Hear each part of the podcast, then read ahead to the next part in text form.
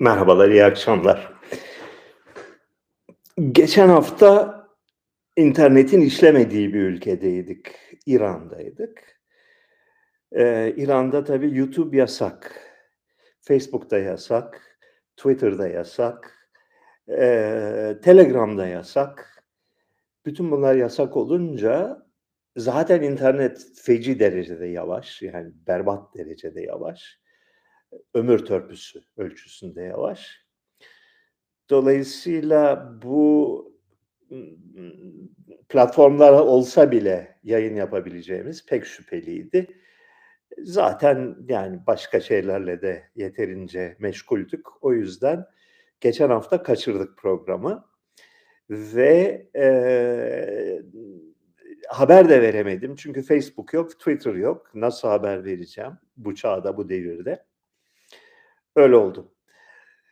Bir hafta kaçırınca da kötü niyetliler başlamışlar müzevirata. İşte, artık zaten vazgeçti, programları da yapmıyor filan falan diye. Valla 128 haftadır 1 kere mi 2 kere mi ne kaçırdım ben bu programı. Onun dışında her hafta, eee, şaşmaz bir düzenle adeta bir TikTok gibi her pazar günü saat Türkiye saatiyle 9'da bu programı yaptık. Daha da ne kadar yapmaya devam ederim bilmiyorum. Ya, valla bazen sıkılıyorum. Hayattan sıkılıyorum, kendimden sıkılıyorum, kendi sesimden feci surette sıkılıyorum. Ya, başkaları eğlenceli filan buluyor da ben hiç öyle görmüyorum. O yüzden dur bakalım neler yapacağız. İran. İran'da kadınlar ağır baskı altında eziyet çekiyorlar, mollalar hakimiyeti var vs. vs. Ne iyi oldu da Atatürk oldu da biz de İran gibi olmadık. Tipik Türkiye'deki yaygın görüşler. Bu görüşlerde doğruluk payı yok değil. Fakat küçük bir pay. Çünkü İran başka bir ülke. Ve İran hiç de öyle Türkiye ile kıyasladığında 8-0 mağlup olan bir ülke değil. Eee, berabere kalır bence. Eee, neler görüyorsunuz? 1'inci gördüğünüz şey, yani şaşmaz bir şekilde hele hele Türkiye'den tipik ön yargılarla gittiğinizde İran'a, ilk 24 saat içinde böyle iskambilden kuleler gibi o ön yargıların yıkıldığını görüyorsunuz. Çünkü İran'da en göze çarpan şey, ilk ilk böyle hemen göze çarpan şey kadın erkek eşitliği. Yani kadınlar sosyal hayatta son derece görünür bir yerdeler. O kafalarında o bez var, mecburiyetten var. Fakat son derece görünür bir hâldeler. Eee, son Türkiye'nin taşrasıyla, Türkiye'nin elit semtleriyle değil, taşrasıyla kıyaslandığında son derece öz güvenli, güler yüzlü, güler yüzlü, eee, kendini ifade etmekten çekinmeyen, omuzları başı dik yürüyen, merhaba dediğin zaman merhabanı alan ve cevap veren, diyalog kurabildiğin, eee, güler yüzlü insanlar. Yani bir bir ufak detaya dikkat ettik İra'yla.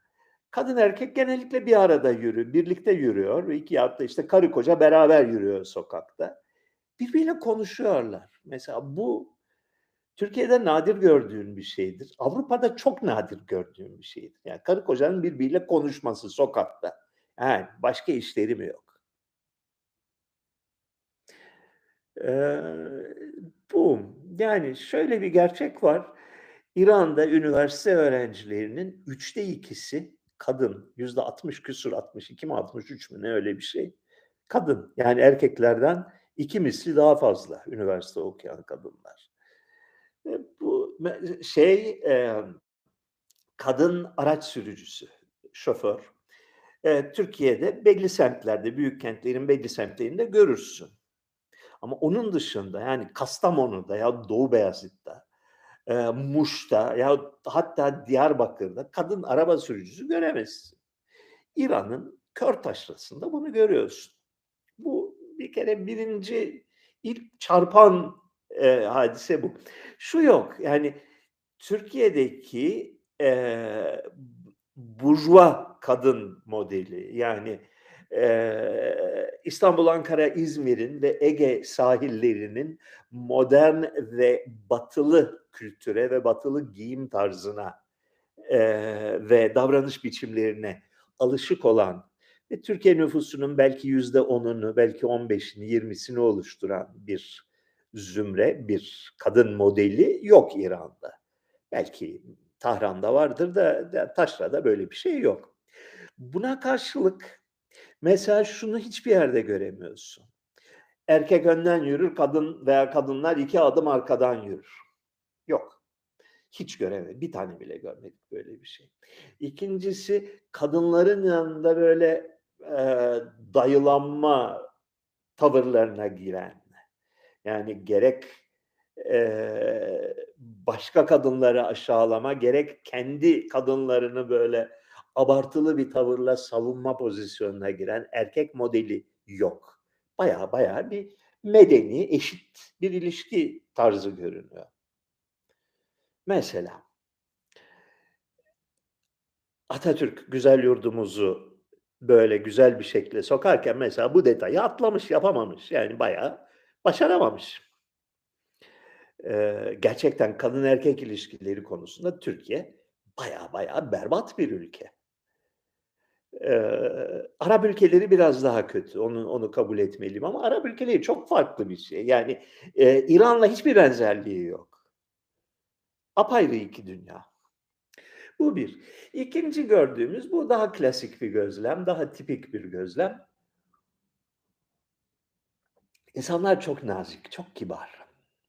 Kaba davranış hadisesini hiçbir şekilde rastlamam. Bu öyle, eee, vahim derecede kaba şeyleri bir yana bırak, çok basit kabalıklar vardır. Ne bileyim, esnafa bir şey sorarsın, suratına bakmaz, sonra yere tükürür, ondan sonra sana konuşur filan. Böyle şeyler Türkiye'de her gün insanın başına gelen ve her gün insanın sinirini bozan hadiseler. Katiyen öyle bir şey de. Ya, "Bir haftada ne gördün?" diyeceksin. Bir haftada İran'ın taşrasını gördük. Bu benim 2'nci gidişim. Eee, nereden bakarsan günde belki 50 kişiyle bir şekilde bir temasın oluyor. 2 kelime de olsa bir temasın oluyor. Artı sokaklarda, lokantalarda, eee, köylerde filan insanları gözlüyorsun, yani görebiliyorsun bazı şeyleri. Kibar ve güler yüzlü bir ülke. Bu da iyi geliyor insana. Eee, rejim berbat bir rejim. Ya, bun bu konuda şey diyecek bir şey yok. İslami bir rejim filan değil. İslam kıs kısmı işin palavrası. Ba bir diktatörlük. Şu oldu İran'da çok net olarak hadise şu: Bir devrim gerçekleşti. Eee, Türkiye'den daha eğreti ve daha dar tabanlı olan İran'ın modernleşmiş, Avrupaileşmiş elit kesimi yüksek burjuvazisi tasfiye edildi. Yani bunlar, eee, bir kısmı öldürüldü, bir kısmı talan edildi, malı mülkü elinden alındı, fakirleştirildi, yurt dışına göçmeye zorlandı. O eski sofistike, batılı, bir bakıma Türkiye'den daha batılı olan İran yönetici eliti, oligarşisi ortadan kaldırıldı. Yerine, eee, Molla rejimi geldi. Molla rejimi ilk başlarda bir dini veya devrimci coşkuyla, heyecanla kırdı, döktü, öldürdü, bastırdı, zorladı, tehdit etti. Bir, eee, kendi egemenliğini kurdu. Sonra 44 sene geçti o devrimin üzerinden. Her yönetici kast gibi, kapalı devre yönetim oynayan kadro gibi eee, iktidar ve menfaat hesabından başka bir yönlendirici ufku olmayan, iktidarına son derece kıskanç, bu iktidarı elinden kaybetmemek için her türlü fedakârlığı yapmaya hazır bir çıkar örgütüne dönüştü Molla rejimi. Halk tarafından da böyle görünüyor. Bu bana, eee, 1991'den önce epeyce tanıma fırsatını bulduğum eski Sovyetler Birliği ve Doğu bloku ülkelerinin komünist partilerini anımsatıyor. Bu komünist partiler ilk başta devrimci hareketler olarak çıkmışlardı ortaya. Zaman içinde her genç kızın başına gelen onların da başına geldi. Ve bir çıkar örgütüne dönüştüler. 90 yılına gelindiğinde, 88 yılına gelindiğinde Çekoslovakya'da, Polonya'da, Rusya'da, Ermenistan'da, Ukrayna'da komünistlere komünistleri sevenleri yoktu, inananları hiç yoktu. Yani dünyada 1990 yılında dünyada sosyalist hiç kimsenin bulunmadığı tek ülkeydi herhalde e, Sovyetler Birliği. Ya sosyalizm Allah aşkına ne diyorsun? Buydu tepki. Bugün de İran'da Molla mı, İslam mı Allah aşkına ne diyorsun tavrı son derece egemen ve bir şekilde bu rejim açılmayı veya büyük katastroflara yol açmadan değişmeyi başarırsa İran tahmin etmeyeceğiniz kadar modern ve atılgan bir ülke olarak çıkacak ortaya. Güçlü bir ülke olarak çıkacak ortaya. Gidip İran'da yaşar mısın desem bana muhtemelen hayır derim. Yok, sıkıcı bir ülke. Çok homojen bir ülke, çok orta sınıf bir ülke. Yani şeyi düşünün. Yozgat çarşısını düşünün. Yozgat çarşısı çok şeker bir yerdir. Gittiğin zaman insanlar güler yüzlüdür. Seni davet ederler, ikram ederler, çay içmeye davet ederler. Renklidir. Onların e, günlük koşuşturması ve meşgalesi seni cezbeder. İnsani bir güzelliği vardır. Kaç gün yaşayabilirsin orada? Hayatını orada geçirmek zorunda kalırsan ne düşünürsün? Anlatabiliyor muyum? Öyle bir yer. Yani İran e, kocaman bir Yozgat çarşısı. Baştan aşağı. Şeye ağır yüklenmişler. E, küçük girişimciliğe yüklenmişler. İnanılmaz sayıda dükkan var. Yani manyak sayılarda dükkan var. Türkiye'nin dört katı, beş katı, altı katı daha fazla per capita adam başı dükkan var. Dükkan dediğim bir kişilik, bilemedim üç kişilik göt kadar yerler. Küçük küçük yerler. Ama Tebriz pazarı yani çarşısı akıl durdurucu bir yer. Yani İstanbul'un birkaç katı bir çarşı. Her delik, her köşe başı, her ağacın altı, her her merdiven altı dükkan veya atölye. Herkes e, esnaflığa yani toplumun büyük bir kısmı ya esnaf, dükkancı, küçük girişimci e, ya da memur, teknisyen filan. Banka memuru filan öyle bir şey. Dolayısıyla çok orta sınıf bir toplum. Elit kesimi biçmişler. Elit yok. Yani dolayısıyla şık mağazalar yok, güzel restoranlar yok, Avrupa'nın son modalarını takip eden kafeler pek yok. Sıkıcı bir şey bu. Ee, ne bileyim çarpıcı ve farklı şeylere prim veren bir toplum yapısı yok. Öte yandan Türkiye'de hem büyük şehirlerde hem taşrada çok çok belirgin bir şekilde gördüğün sefaletten de eser yok. Sefalet yok ülkede. Herkes iyi kötü ne bileyim sabahleyin gidecek bir iş. İşsizlik yok. İşsizliği bayağı kaldırmışlar ortadan. Bu çok çarpıcı bir hadise. Yani bu ders alınması gereken bir şey. Çünkü e, serbest piyasa, serbest piyasaya yani kelimenin tam anlamıyla, gerçek anlamıyla yani Avrupa'daki, Amerika'daki gibi sahte bir serbest piyasa değil. Gerçek anlamda herkes, dükkan açmak isteyen herkes istediği dükkanı açar şeklinde bir düzen var. Hadi yardımcı oluruz, şey de veririz, e, sermaye de oluştururuz, e, dükkanını da donatırız, e, izin almak kolay, e, gelir vergisi filan saçmalık düzeyinde gelir vergisi yok. Gelir vergisi yerine sen dükkan açtığın zaman senden belli bir e, maktu bir vergi, bir haraç tayin ediyorlar. Yılda şu kadar ödeyeceksin kardeşim diye. Sen de çalışıyorsun. Ortalama diyorlar yüzde yirmi civarındadır vergi oranı. Yani gerçek gelirin %20'si civarında bir şeyi haraç olarak ödüyorsun. Ondan sonra fişti, faturaydı, girdiydi, çıktıydı. Uğraşmana gerek yok. Nakit al babam, ver babam. Bu eee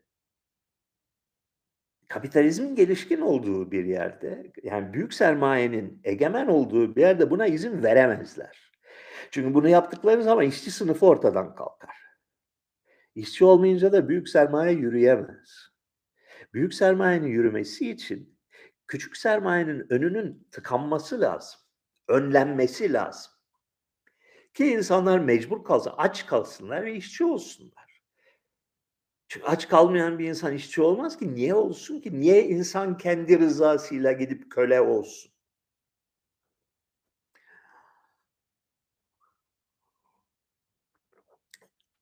Büyük sermaye güçlü olmayınca, yani sefil ve uyduruk olunca bunun birkaç tane sonucu oluyor. Birincisi mesela otomobillerin hepsi 1970 model ve dökülüyor. Büyük sermaye birikimini ve onun temsil ettiği gücü sergileyen sanayiler yok. Sanayi ölmüş. Ama herkes dükkan açabiliyor. Herkes dükkan açıyor, açabilince de işsizlik sorunu hemen hemen yok. İşsiz birileri yok. Sokaklarda o şeyi görmüyorsun. Türkiye'nin taşrasının en tipik görüntüsü olan 8'li, 10'lu, o 20'li gruplar halinde böyle ortalıkta yürüyen çakal görünümlü genç erkekler. işsiz ve güçsüz. Bu İran'da yok. Herkesin işi var, gücü var. Böyle şey e, mülayim, yumuşak, medeni ve sıkıcı bir orta sınıf hayatının temsilcisi olarak karşınıza çıkıyorlar. Gördüklerim bunlar. İran'daki Azeriler nasıl milliyetçilikten etkilenmediler? İran Türk devletinden neyi farklı yapıp kendi toplumundaki etnik kökenlileri bir arada tutmayı başardı? Güzel bir soru. Cevabını çok da fazla bildiğimi söyleyemem. Ee, İran'ın batı tarafı, e, yani merkezi Tebriz olan dört vilayet yanılmıyorsam, e, Batı Azerbaycan, Doğu Azerbaycan, Zencan ve bir de Erdebil'in hangisi şimdi çıkartamadım. Dört vilayet. Nüfusu tamamen Türk. Tamamıyla yani yüzde 90 küsur oranında. Azeri Türk'ü. Ee, yani Tebriz'de istisnasız herkes Türkçe biliyor, Türkçe konuşuyor. Konuşma dili Türkçe, sokak dili Türkçe. Herkes Türkçe konuşuyor. Yani gidip insanlara pardon Türkçe bilir misiniz diye sorduğun zaman böyle suratına bakıyor ne demek istiyor bu adam diye. Ee, böyle zannediyorum dünyanın üçüncü, dördüncü mü en büyük Türk şehri e, Tebriz. E, fakat bir şekilde yüzyılların getirdiği bir şeyle belki Şiiliğin etkisiyle e, kendilerini son derece İranlı hissediyorlar. Yani İran'ın gerçek sahibi e, hissediyorlar.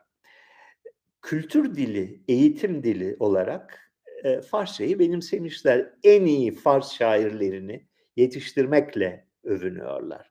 Farsçaya bizim dilimiz diyorlar.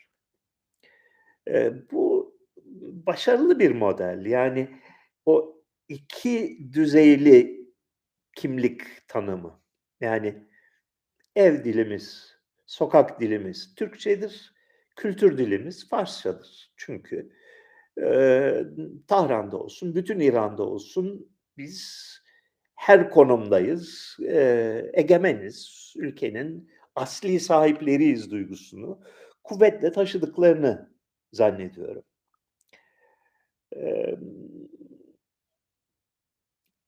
Son yıllarda Gerçi 10 yıl önce gittiğimde bunu daha net hissetmiştim. Bu sefer o kadar kuvvetli bir şekilde hissetmedim. Şu var. Türkiye'ye gıptayla bakıyorlar. Türkiye'yi e, hayatta başarı sağlamış amcaoğlu olarak görüyorlar. Avrupa olmuş Türkiye. E, herkes kıskanır değil mi? Dünyaya açık, zengin bir ülke Türkiye şaşalı, parıltılı bir ülke Türkiye. Eee, lüks bir lokanta açmak istiyorsan Tebriz'de yahut Mako'da yahut da, eee, Urmiye'de yahut Salmas'ta adını İstanbul restoran koyuyorsun, Boğaziçi restoran koyuyorsun. Çünkü bunlar statü simgesi olan kelimeler. Herkes Türk televizyonu izliyor, Türk dizileri istiyor, izliyor. Bunun İran'ın iç güvenliği, iç uyumu açısından sonuçları ne olur? Eee, kestiremiyorum. Ya 10 yıl önce çok netti bu. Büyük bir Türkiye hayranlığı vardı. O sırada Ahmadinejad'dı ülkenin başındaki kişi. Ahmadinejad'dan iğreniyorlardı, tiksiniyorlardı. Büyük bir nefretle anıyorlardı ülkenin batı kısmındaki insanlar. Eee, Türkiye de 10 yıl önce umut vaat eden bir ülkeydi. Dolayısıyla bir İran'da yani bir yavaş yavaş böyle bakışını Tehran tarafından İstanbul tarafına çeviren bir geniş bir zümre vardı. Bugün onun belki ben fark etmedim, belki hala vardır. Hala insanlar nereden geldiniz? O Türkiye'den mi geldiniz? O ben ben Türkiye'yi çok severim. Benim amcaoğlum zaten orada çalışıyor. Ben de para biriktirip oraya gideceğim diyen insanlara hala sık sık rastlıyorsunuz. Fakat 10 yıl öncenin o yeter artık bu İran bakalım bir de yeni ufuklara bakalım gibi bir his vardı havada. O artık yok. Ya da ben görmedim bilmiyorum yeterli değil. Eee, İran'daki Azeriler nasıl milliyetçilikten etkilenmediler? Eee, İran'daki Azeriler 20. yüzyıl ortalarında bir maceraya giriştiler. Yani İran'da, eee, şeyde İran Azerbaycan'ında özellikle solculukla ve komünistlikle el ele giden bir milliyetçi hareket vardı. Eee, Azerici bir hareket vardı ki eski şah yani, eee, Rıza Şah Pehlevi, 1. Rıza Şah Pehlevi, eee, Azerice'yi yasaklamak filan gibi yöntemlerle tipik bir bütün diktatörlüklerin yaptığı ahmaklığı yapıp Azerileri kendine düşman etmeyi başarmıştı. 1945'te Sovyetlerin desteğiyle bir İran-Azerbaycan'ı Cumhuriyeti kuruldu. Sovyet çizgisinde bir yıla yakın yaşadı. Eee, ondan sonra İran, eee, rejimi Ruslar çekildiler, Sovyetler çeki ordularını çekince çöktü o rejim ve, eee, İran devleti büyük bir baskı ve zulüm yaşattı Azerilere. Sonra bir şekilde 1960'lara 70'lere doğru rahatladı ortam. Böyle bir de geçmişi var işin. Eee, Azeri milliyetçiliği demek İran'da komünizmle, komünist sempatizanlığıyla, eee, el ele gider gidiyordu 20. yüzyıl boyunca. Belki onun da etkisiyle bir, emm, şey oldu, uzaklaşma oldu. Azerbaycan Azerileriyle aralarında en ufak bir, en en ufak demeyelim ama ciddi bir iletişim veyahut da sempati bağı ve bir kan bağı, bir kültür bağı yok.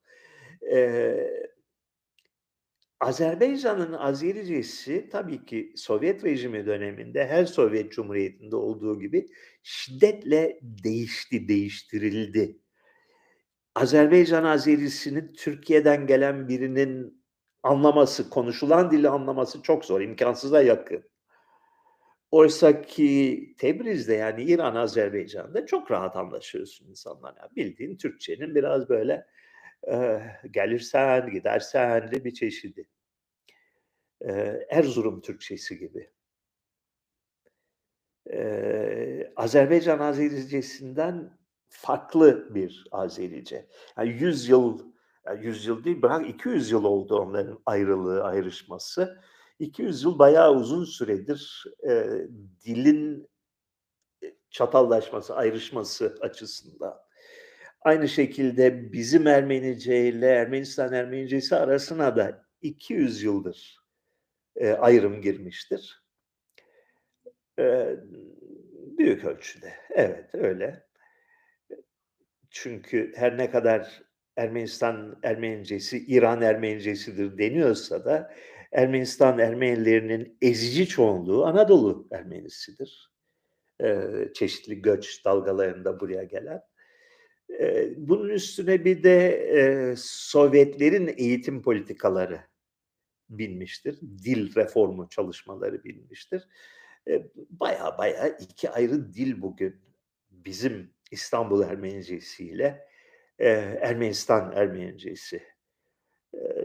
Yani 2 ayrı lehçe diyelim peki de yani onun biraz ötesinde bir hadise.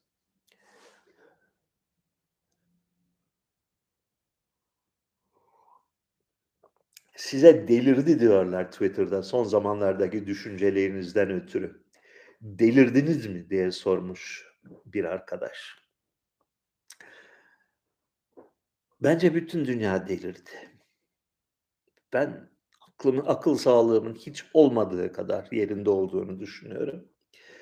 Siyasi görüşlerimde ve tavırlarımda ciddi bir değişiklik olduğunu zannetmiyorum. Eskiden beri savunduğum şeyleri hâlen savunuyorum. Bazı şeyleri daha net görmeye başladım. Eee, COVID konusunda yani hâlâ bugün geldiğimiz noktada COVID söylemini, söyledi ımm, anlatısını hâlâ inanarak savunan insanlar bulunduğunu görmekten dehşete kapılıyorum. Yani çok büyük ölçüde bir cehalet meselesi bu, başka bir açıklaması değil. Çünkü dünyada olan bitenlerden eğer, eee, haberdar değilsen, sana anlatılan küçücük bir hikâyeyi her koşulda kabul edip bunu kimliğinin bir parçası hâline getirmeyi başarmak gibi bir meziyete sahipsen hâlâ işte COVID çok tehlikeli bir, eee, salgındı. Devletler bizi korumak için ellerinden geleni yaptılar. Eee, insanlar tabii hayat eve sığar, insanları evlerine kapatmaları doğal bir şeydi. Maske takarsan COVID'den korunursun. Eee, mutlaka aşı olmak lazım. Aşı olursan COVID'den korunursun. Eee, bilime inanmak lazım. Bu masalları, bu iğrenç soytarılığı kabul eden insanların bulunduğu bir toplumda yaşamayı ben şahsen, eee, bir bir skandal olarak görüyorum. Bir rezalet olarak görüyorum. Eee, şey, yani insan şeyini kaybediyor. Yani hayatımız boyunca insanlara birtakım dertler anlatmak, birtakım şeyler söylemek, birtakım yollar göstermek, eee, topluma faydalı olduğuna inandığımız birtakım söylemleri geliştirmek için bir mücadele verdik. Bir nokta geliyor ki ya bu kadar gerizekâlının yaşadığı bir cemaatte, cemiyette ne lüzumu var ki? Yani ne sana ne ya gebersinler ya ne olacak noktasına geliyorsun. Bunun daha beterini, eee, Ukrayna konusunda yaşıyorum.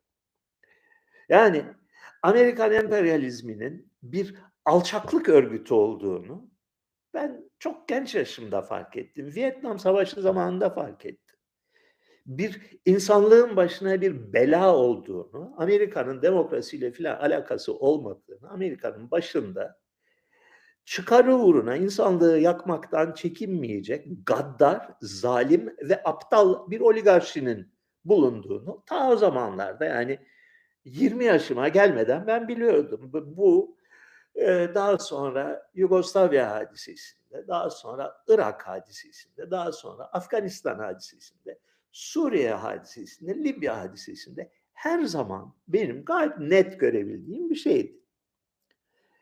Ukrayna Savaşı Amerika'nın çıkardığı bir savaştır. Amerika'nın 1997'den i 98'den bu yana adım adım ve sistemli olarak hazırladığı bir savaştır. Bir namussuzluk abidesidir. Savaşla ilgili basına ve medyaya egemen olan haberlerin tamamına yakını, hemen hemen hepsi yalandır. Yalan haber üzerine bir dünya kuruyorlar. Ve ne kadar kuş beyinli varsa dünyada, ne kadar geri zekalı varsa, ah savaş çok kötü bir şey, keşke Rusya ordusunu Ukrayna'ya egemen bir ülke olan Ukrayna'ya sokmasaydı. Mavalını yiyor. Yani bunu ben dehşetle karşılıyorum.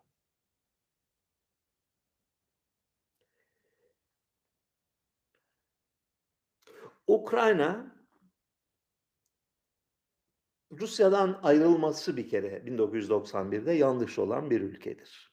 Bir şekilde ayrıldılar.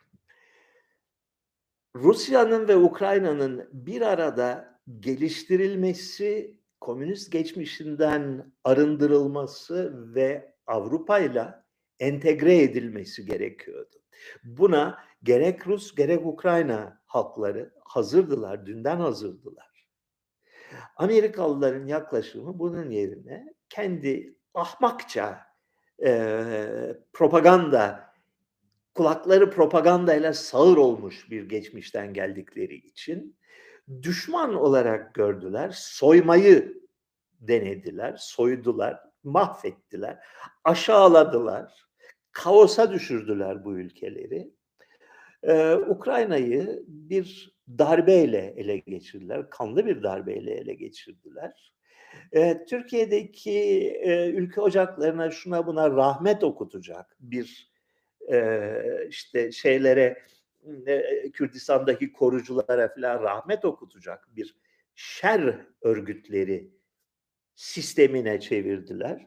Dünyanın en e, korrupt, yozlaşmış, yolsuz yoksulluğa batmış oligarşik zorbalık devleti haline getirdiler. Ülkedeki ülke nüfusunun üçte birini oluşturan Rusları e,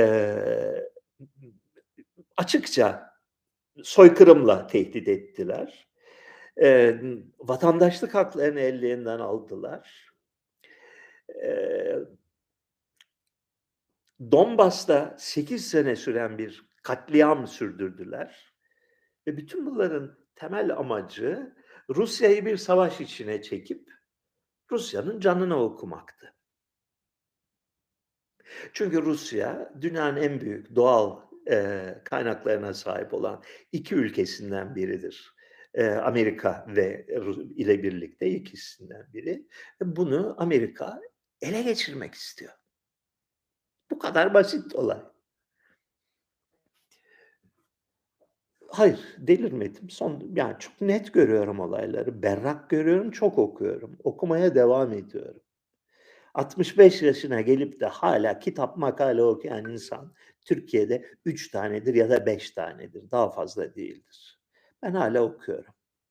Her gün dünya ekonomisiyle ilgili, Eee, Ukrayna'daki durumla ilgili, Sri Lanka'daki durumla ilgili, Brezilya'daki olanlarla ilgili her gün okuyorum. En az 3-4-5 tane iyi makale, ciddi makale okuyorum, kitap okuyorum, takip ediyorum. Ve eee, aklım son derece berrak.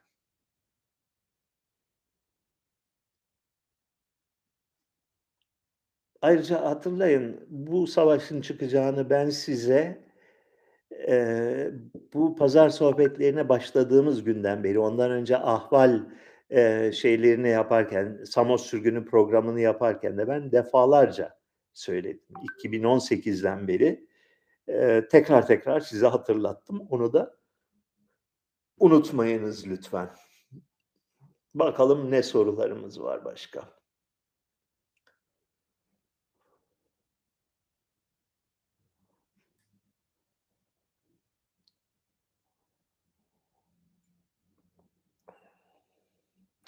Bugünkü seküler şehirliler, dindar köylüler ve taşralılar ikiliği geçmişte tersi miydi?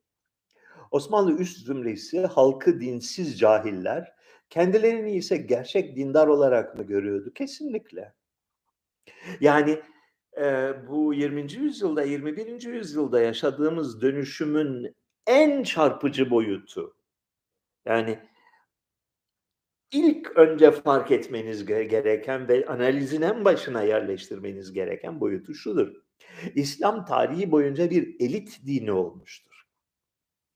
Avamı, aşağı sınıfları dinsiz olarak görmüştür. Aşağı sınıfları dinle disiplin etme, onları dinin cenderesi altına alma e, çabasını göstermiştir ve İslam üslubuyla, e, teolojisiyle, teorisiyle e, son derece sofistike, aşırı derecede sofistike, gerçek dünya ile ilişkiyi kaybedecek ölçüde e, entelektüel boyutu olan bir din olay gelmiştir tarih boyunca. 20. yüzyıla gelindiğinde e, İslam elitleri, İslam toplumunun geleneksel hoca takımı Osmanlı'da, Mısır'da, İran'da kendini Avrupaileşmeye verdi. Yani eski Şeyhülislamların, eski din alimlerinin ve fakihlerin, ulemanın torunları birden hukuk fakültesinde profesör oldular. Ve e, Avrupalılığı, temeddünü, ilerlemeyi, hatta hatta bir sonraki kuşakta solculuğu ve Marksizmi savunur noktaya geldiler. Teker teker aileler bazında baktığın zaman bunu çok net görürsün. Osmanlı elitinin devlet ideolojisi İslam'dı. Osmanlı elitinin devlet ideolojisi cumhuriyetçilik, batılılaşma, ilericilik oldu. Hatta daha sonra Marksizm, Leninizm ve hatta Maoizm oldu. Buna karşılık onların boşalttığı sahada yani entelektüel İslam'ın, elit İslam'ının boşalttığı sahada 20. yüzyıl ortalarından itibaren fakat özellikle 20. yüzyıl sonlarında birdenbire tarihte benzeri görülmemiş bir fenomen, bir ayak takımı İslam'ı zuhur etti. Bugünkü İslam bir ayak takımının isyanının ifadesi olan bir siyasi ideolojidir. Türkiye'de de, Mısır'da da, İran'da da, İran'dan belki İran'da biraz farklı olabilir, İran'da da, Suriye'de de öyle. Olayı bu açıdan bir görmek lazım. Bugünkü İslam, tarihteki İslam'dan başka bir fenomen, bir mahluk. Başka bir mahluk. İslam kisvesine bürünmüş, İslam'ın e, sokağa atılmış olan cübbesini sokaktan kaldırıp sırtına geçirmiş başka bir hareket. Dinamikleri farklı, talepleri farklı. Bu taleplerin ve dinamiklerin farklılaştığını, yeni bir İslam dünyasına doğru adım atıldığını ilk evvela Mısırlılar keşfettiler. Ee, İhvan hareketi, Müslüman Kardeşler Hareketi bu dönüşümün yani mazlumların İslamı hareketinin ilk örgütlü e, ifadesidir. Ondan sonra İran'da Ali Şeriatı ve benzerleri e, tarihi İslam'la benzerliği olmayan yeni bir İslami hareketi oluşturdular. Onun için işte İslam hep böyledir, hiç değişmez, 1500 senedir hiçbir şey değişmemiş gibisinden palavralara kulak asmayın. Bunlar sizi körelten, olayları görmenizi engelleyen kara gözlüklerdir. Ee, söylem eski İslam'ın söylemi bilinçli ve kasıtlı bir şekilde arkaizan bir söylem. Yani geçmişten alan e, temalarını, söylemlerini, dilini, referanslarını geçmişten alan bir söylem. Hiçbir şey değişmedi. Biz hakiki İslam biziz diyorlar. Şunu unutmayın. Bir insan hakiki X benim diye çok fazla bağırıyorsa niye bağırıyor diye sorman lazım. Demek ki hakiki X olduğundan şüphesi var ki bu kadar ısrarla kendini hakiki değişmez, e, sarsılmaz, ebedi ve ezeli bir ideolojinin temsilcisi olarak sunmaya çalışıyor. Çünkü bunları harekete, bunları gıdıklayan şey, bunları harekete geçiren şey bugünün problemleridir. 20. yüzyıl, 21. yüzyılın evrenidir. Ekrem İmamoğlu'nun parmak sallaması. Birinci çıktığı günden beri benim gözüm bu adamı tutmadı.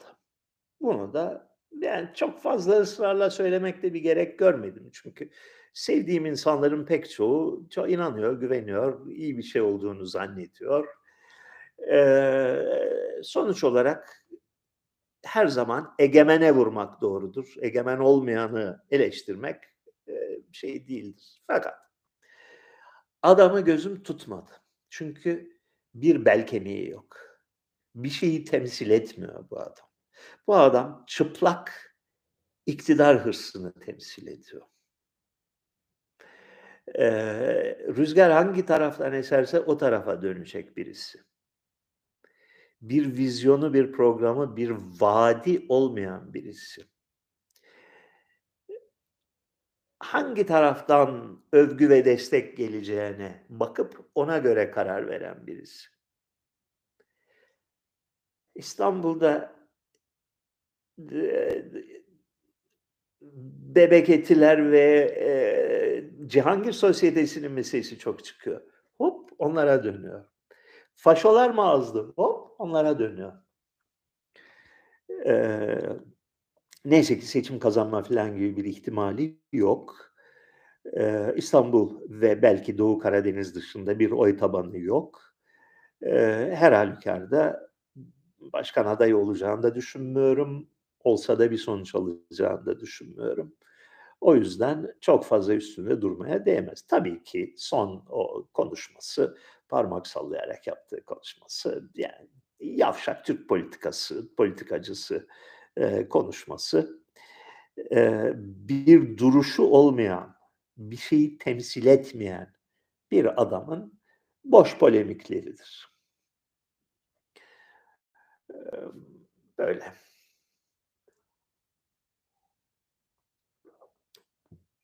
2023'te Türkiye'de ne olacak konusundaki fikirlerimi de uzun zamandır yani o konulara girmeyi istemiyordum. Fakat bugün gene birileriyle epey bunu bunun sohbetini yapma gereği duydum. Birincisi yani Tayyip Erdoğan'ın bakış açısı son derece net. İktidar değişmesi fikrini bir e, bir bir suç olarak görüyor bir vatan hainliği olarak görüyor. Yani e, katiyen öyle bir fikre açık değil. Öyle bir ihtimale açık değil. Ve bunu her konuşmasında vurguluyor. Ha, bu memleketin sahibi benim diyor. Ee, yani aklınızdan geçirmeyin, aklınızdan geçirirseniz benim yerime, yani gayrimeşrudur bu, bu şey düşünce diyor. Demokratik seçim fikrini gayrimeşru olarak görüyor kendisi.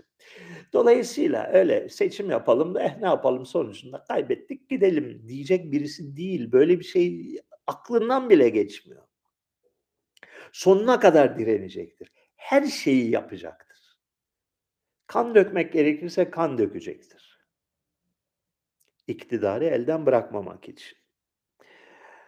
Ee, uzun bir süre boyunca halk çoğunluğunun desteğine sahipti. Bugün artık değil halk çoğunluğunun desteğine sahip olduğu sürece elbette seçimleri yüceltir. Seçim, biz seçimle geldik, halk bizi bize teveccüh gösterdi diyerek iktidarını sürdürür. Fakat halk teveccüh göstermediği noktada seçimlerden vazgeçecektir. Ya seçimi geçici veya kalıcı olarak iptal edecektir. Ya da işte seçim yaptık işte ne olacak deyip e, ben kazandım diyecektir. Ee, kazanma ihtimali olan muhaliflerin başına her şey gelebilir. Yani e, siyasetten yasaklanabilirler, tutuklanabilirler, hapse atılabilirler, başlarına şeyler gelebilir. Bütün bunlar yaşanacak. Buna direnebilecek olan kimdir? Yani Erdoğan dedi ki ben ben kardeşim ben hayat boyu anayasayı değiştiriyorum. Hayat boyu başkan ilan ettiriyorum kendimi. Var mı dediğinde buna kim direnecek? Sokaklar mı direnecek? Ya hadi orada. Ya geçiniz o palavrayı. Sokakların bir direnme potansiyeli yoktur. E, Türkiye'de hiç yoktur. Ee, yani izleyin dünyada neler oluyor. Peru'da neler oldu. Sri Lanka'da şu anda neler oluyor. Ee, Lübnan'da neler oldu. Yani Türkiye'den durumu çok çok çok çok daha kötü olan ülkelerde. Bugünün polis teknolojisiyle, bugünün e, ideolojik yapılanmasıyla sokak hareketinin başarılı olma şansını ben sıfır görüyorum. Bunu buna direnebilecek olanlar devlet kadrolarıdır. Yani ya Yüksek Seçim Kurulu diyecek yok kardeşim bu böyle değil düzgün seçim yapacağız. Ya Anayasa Mahkemesi ya e, ordu askeri bunlardan birinin birilerinin bunlardan bir çekirdeğin direnmesi lazım. Biz Türkiye Cumhuriyeti'nin bir hukuk devleti olduğuna inanıyoruz. Dolayısıyla Sayın Başkanım hadi size yallah diyebilecek birilerinin çıkması lazım. Kim var? Kim var? Hangi kurumda kim Türkiye Devlet Teşkilatı içinde böyle bir direnci göstermeye hazır? Böyle bir şeyin olabilmesi için inandırıcı ve güvenilir bir muhalefet alternatifinin olması lazım. İnandırıcı şu demek. Bir kere heyecan vermesi lazım. Yani insanlara hayatta bazı şeyleri riske atabilecekleri şekilde riske atmalarına ikna edecek bir coşku ve inanç vermesi lazım. Yani ben şu Menderes için ya Ecevit için her neyse canımı veririm. Gerekirse kariyerimi tehlikeye sokarım fakat Tayyip'e karşı oyumu veririm demesi lazım birilerine. Böyle bir heyecan verecek bir liderlik görünmüyor. Bunun ötesinde bir de inandırıcılık meselesi var. Yani bunlar iktidara gelir, geldikten sonra da gerçek anlamda iktidara hakim olurlar. Dolayısıyla ben benim arkamı kol, kollayabilirler. Yani ben e, kariyerimi de riske atıyorum ama bunlar kazanırsa sağlam yere gelirim. Çünkü beni tutarlar, beni aferin ödül bile verirler belki demesi lazım devlet kadrolarındaki kişinin. Var mı böyle bir seçenek şu anda Türkiye'de? Kılıçdaroğlu mu? Güldürmeyin insanı. Güldürmeyin insanı. Yok böyle bir seçenek şu anda. Dolayısıyla devlet kadroları içinde bunlara güvenip taşaklı olabilecek kimseyi ben göremiyorum.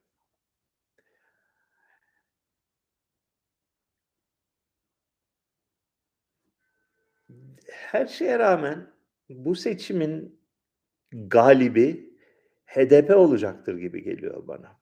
Eğer seçim olursa ve eğer HDP'nin katılmasına izin verilirse. Çünkü ciddi bir inanç ımm, provoke eden, bir inanç uyandıran tek siyasi hareket hala bütün hatalarına, bütün şapşallığına, bütün dağınıklığına rağmen HDP. HDP'nin daha güçlü olabilmesi için birkaç tane şey yapması gerekiyor bence. Bir, tek bir lider lazım. Siyasi partiler bugünün dünyasında bir, bir vitrin meselesidir. İnsanların e, insanlar kendilerini kişiyle özdeşleştirirler. Yani Selahattin Demirtaş bu dalgayı, bu dalga boyunu yakalayan birisiydi. Yani insanlara kendini sevdiren biriydi. Bugünkü HDP'de bu rolü oynayabilecek kimse görünmüyor. Yani e, kusura bakmayın bunca senedir ben bu partiyi iyi kötü seven ve destekleyen biri olarak liderlerinin adı neydi bana say desen şey yapamıyorum. Kafam karışıyor. Eş başkan mıydı, öbürü şimdiki başkan mıydı, önceki başkan mıydı diye. Ee, bir kişinin partiyle özdeşleşmesi ve öne çıkması lazım. Eş başkan filan böyle şey, bunlar palavra şeylerdir. İkincisi korkusuz olması lazım. Yani şu mesaj, birincisi Kürt mesajını kuvvetle vermesi lazım, çekinmemesi lazım. Mazlum Kürt halkı, halkı vardır ve biz bu halkın halklarının arkasındayız mesajını kuvvetle vermesi lazım. İkincisi ülkede gerçek anlamda demokratikleşme her ne demekse bu. Mazlum ve fakir halkın çıkarını koruyabilecek olan tek parti biziz mesajını vermesi lazım. Ve her şeyden öncesi, her şeyden önemlisi e, Cihangir solculuğundan uzak durması lazım. Yani Türk solu ölüm öpücüğüdür. Türk soluyla kol kola girmiş olan bir hareketin, bir partinin, bir siyasi seçeneğin başarılı olma şansı yoktur Türkiye'de. Bu da benim şahsi görüşlerim. Bir sohbetinizde Avrupa Üniversitesi müessesesinin evvel emirde İslam dünyasından kopyalandığını iddia etmiştiniz. Buna dair kaynak verebilir misiniz? Veya mevzuyu biraz daha aydınlatabilir misiniz? Bunu bir epeyce konuştum birkaç defa.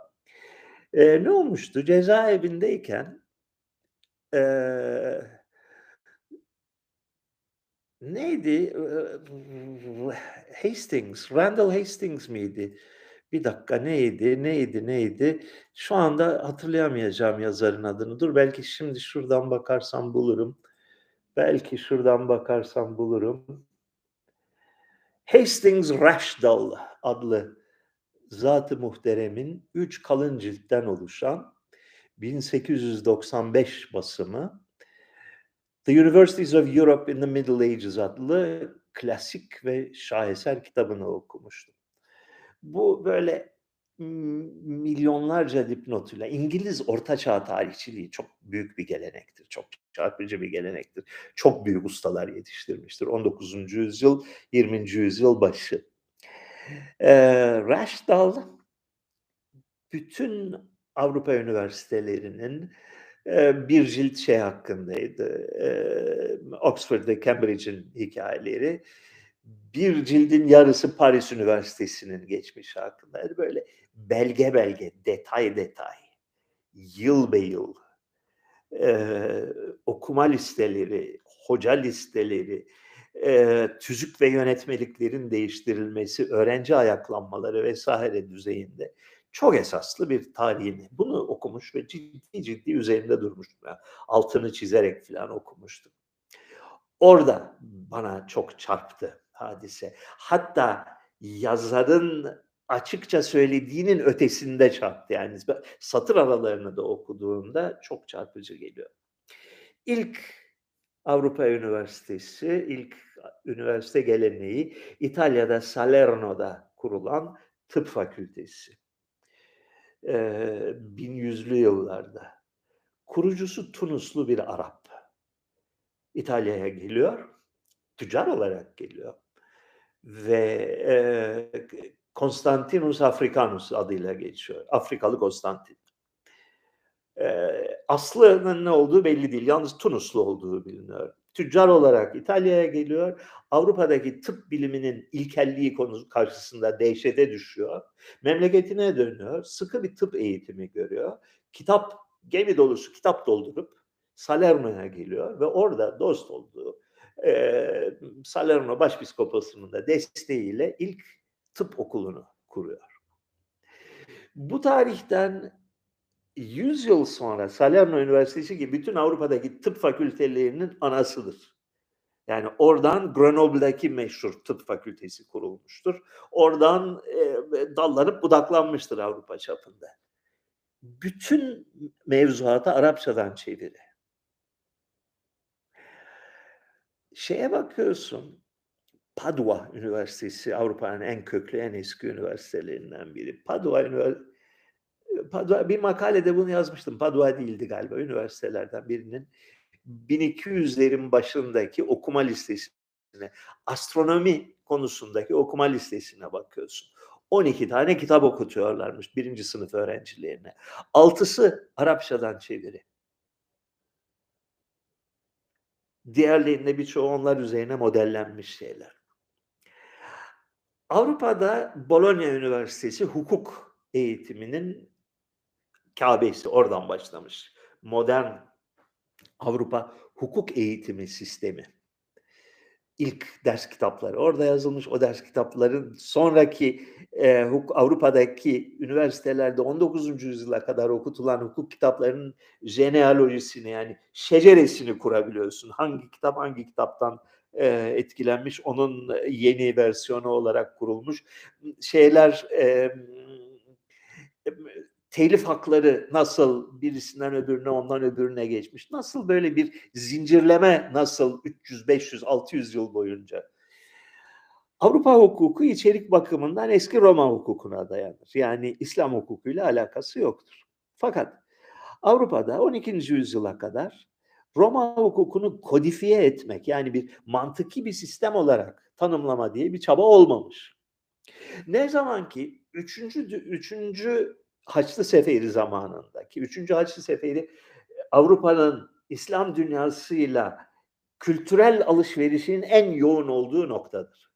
Yani Avrupa'daki mühim insanların hepsi o tarihte bir kere doğuya gitmişler. Yani turist olarak gitmişler, ticaret için gitmişler, savaşçı olarak gitmişler. Her türlü gitmişler. Yani Suriye'de, Mısır'da, Tunus'ta ne oluyor ne bitiyor konusunda Avrupa son derece haberdar. Bugün olduğundan daha fazla haberdar o tarihte. Hukuk fakültesinde e, hukuk fakültesi, Bologna Hukuk Fakültesi'nin oluşmasına yol açan hadise eski Roma hukukunu kodifiye etme, sistemleştirme ve mantıki ve teorik altyapılarını kurma teşebbüsü. Bunu doğrudan doğruya İslam hukuk geleneğine nazire olarak yapmışlar. Yani Müslümanlarda var böyle bir hukuk teorisi. Son derece sofistike bir hukuk teorisi. Bizde niye yok efendim? Onların Kur'an'da varsa bizim de eski Roma hukukumuz var. Onun üzerine inşa ederiz diye bir şeyi görüyoruz. Ee, matematik konusunda fakülte eğitim programının düzenlenmesi ve e, usulü konusunda e, birçok konuda doğrudan doğruya İslam İslam dünyasında medrese 11. yüzyılda ortaya çıkmış bir bir hadise.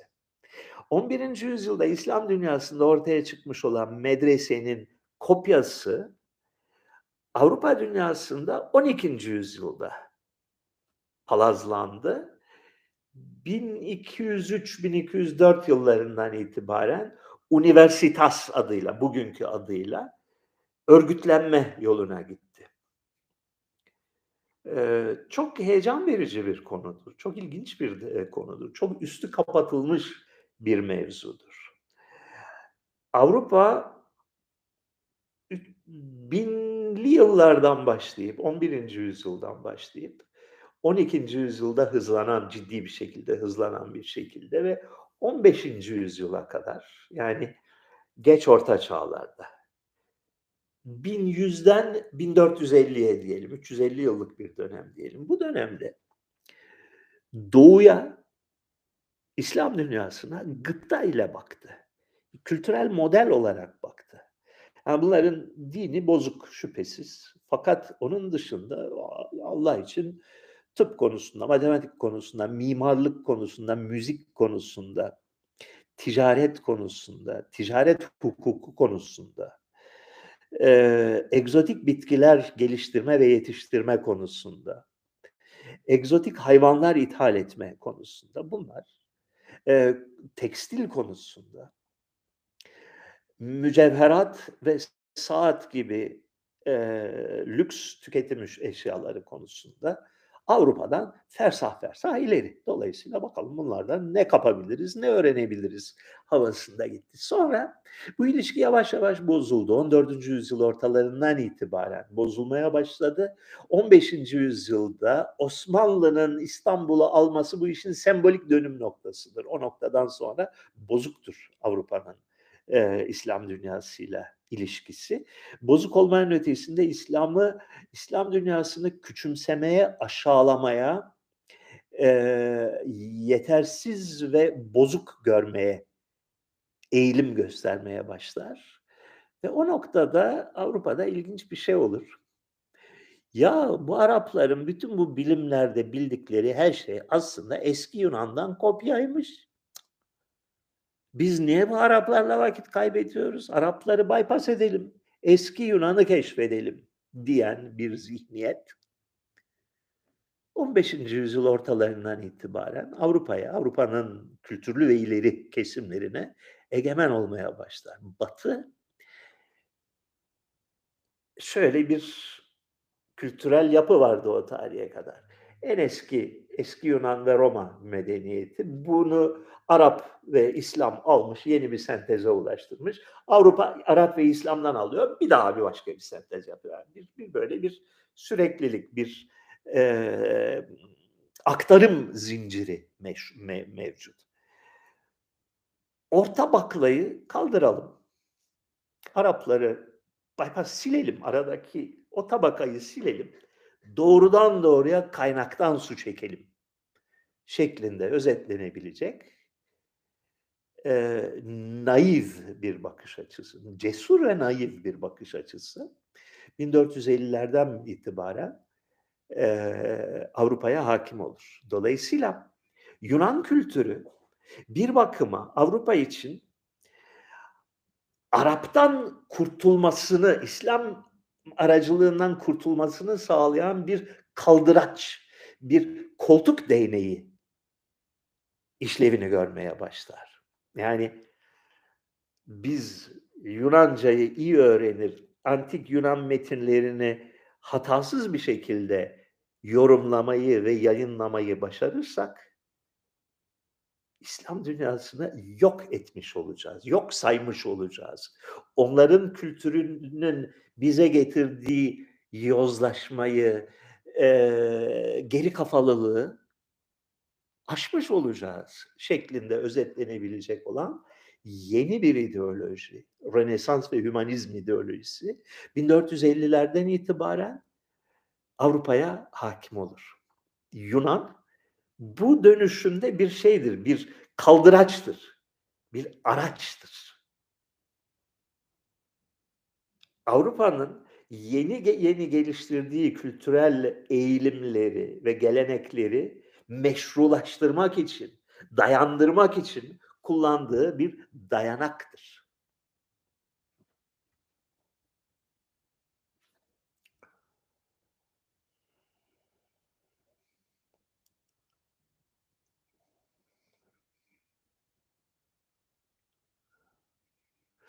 Bir çağın süper gücü olan İspanya ve Portekiz nasıl oldu da bu hale geldi sorusunu X'ye defalarca sordu. Birçok defalar sordu. Bilmiyorum kardeşim. Yani bunun için oturup okumam lazım. Ona da üşeniyorum. Yani sorunun cevabını bilmiyorum. Hocam Bizans bir dönemin Roma İmparatorluğu gibi süper güç olmuş mudur? Yoksa dönem itibariyle kıyıda kalmış bir devlet miydi? Bilimden mi uzaklaştı ya da bürokrasi nedeniyle mi çöküşe doğru gitti acaba? Bizans denilen şey ki Bizans diye bir devlet yoktur biliyorsunuz. Bizans Roma İmparatorluğu'dur. Roma İmparatorluğu'nun reforme edilmiş başkenti İstanbul'a taşınmış olan çeşidine sonradan 19. yüzyılda tarihçiler Bizans adını vermişlerdir. Aşağılayıcı bir tabirdir aslında Roma İmparatorluğu'dur. Türk ve İslam tarihinde de Rum diyarı diye geçer. Bizans dediğiniz şey. Ee, başlangıçta şüphesiz yani 6. yüzyıl ortalarına kadar dünyanın en güçlü, en şaşalı, en zengin, en kültürlü, en çok yazı üreten, en çok nakit para üreten, en çok e, seramik üreten devletiydi. Emm, 6. yüzyıl ortalarıdır bunun şeyi, dönüm noktası. 550'lere kadar bu niteliğini korur. Bütün Doğu Akdeniz havzasına hakimdir. Yani Akdeniz'in hemen hemen tüm kıyıları Bizans'a da e, tabidir. Akdeniz bir kapalı deniz olarak kalmıştır.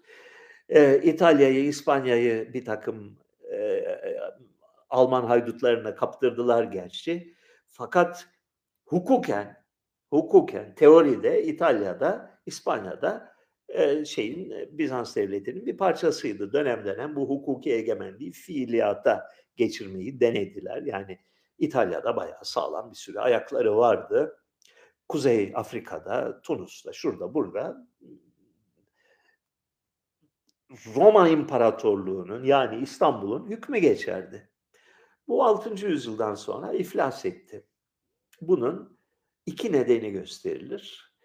Birincisi kilise kurumunun fazlaca güçlenmesi ve devlete meydan okuyan, devletten bağımsız bir iktidar odağı haline gelmesi, daha önemlisi finansal açıdan ülke finansını boğacak şekilde mala, mülke ve gelirlere el koymasıdır. Yani e, aşırı derecede güçlü ve devletin askeri varlığına bir katkısı olmayan dev bir kanser gibi büyümüştür kilise e, Bizans'ta. Ve ülkenin entelektüel yaşamını da tıkanıklığa uğratmıştır. E, ekonomik yaşamını da tıkan, tıkanıklığa uğratmıştır. Bu bir. İkincisi bütün dünya 4. yüzyıldan itibaren e, bir sarsıntıya girdi Bizans'ın. Etrafındaki ülkelerin hepsi bin türlü e, acayip kavmin istilası altına girdi. Yani önce Germenler, peşinden Slavlar, peşinden Hunlar, peşinden Avarlar, Türkler, e, Afrika'dan gelenler çeşit çeşit ve bunlarla sürekli olarak savaşmak zorunda olan ordu büyük bir ekonomik yıkımla karşılaştı. Yani e, tüm gelirini devlet olarak savunma harcamalarına ayırırsan ve bunu başa çıkamazsan eğer sınırlarındaki ard arda gelen krizlerle sonunda iflas edersin. Nitekim Bizans devleti de iflas etti ve ondan sonra da bir daha kendine gelemedi. İflas edince Bizans'ın kıytırık bir kenarında İslam diye yeni bir hadise ortaya çıktı ve bu hadise ortaya çıkar çıkmaz ilk 10 yıl içinde Bizans'ın en zengin iki büyük vilayetini yani Mısır'ı ve Suriye'yi ele geçirdi. O noktadan sonra Bizans devamlı bir gerileme halindedir. Geriledikçe de içine kapanır, muhafazakarlaşır ve yaşama kıvılcımını kaybeder. Bugünlük bu kadar. Bir saat yedi dakika. Ee, yine bir arkadaşımın evinden ricayla e, yayın yapıyorum. Onlar da nezaket gösterdiler, evden kaçtılar. Fazla bunu istismar etmeyeyim. Ee, haftaya görüşürüz. Nerede olurum? Yerevan'da mı olurum? Başka bir yerde mi olurum? Bunlar e, muamma olan konular. E, dün büyük oğlum Arsen e, Ürgüp'te güzel bir düğünle, bayağı e, görkemli bir düğünle e, Gülde, e, Güldeniz adlı arkadaşı sevgilisiyle evlendi. E, biz de eksik kalmayalım diye İra'da e, düğüne katıldı.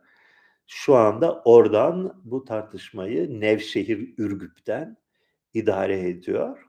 Ben ise e, Yerevan'da, Ermenistan'ın başkentinde mahsur kalmış, mahsur ve mahzun kalmış bir durumdayım. Hadi bay. Görüşürüz.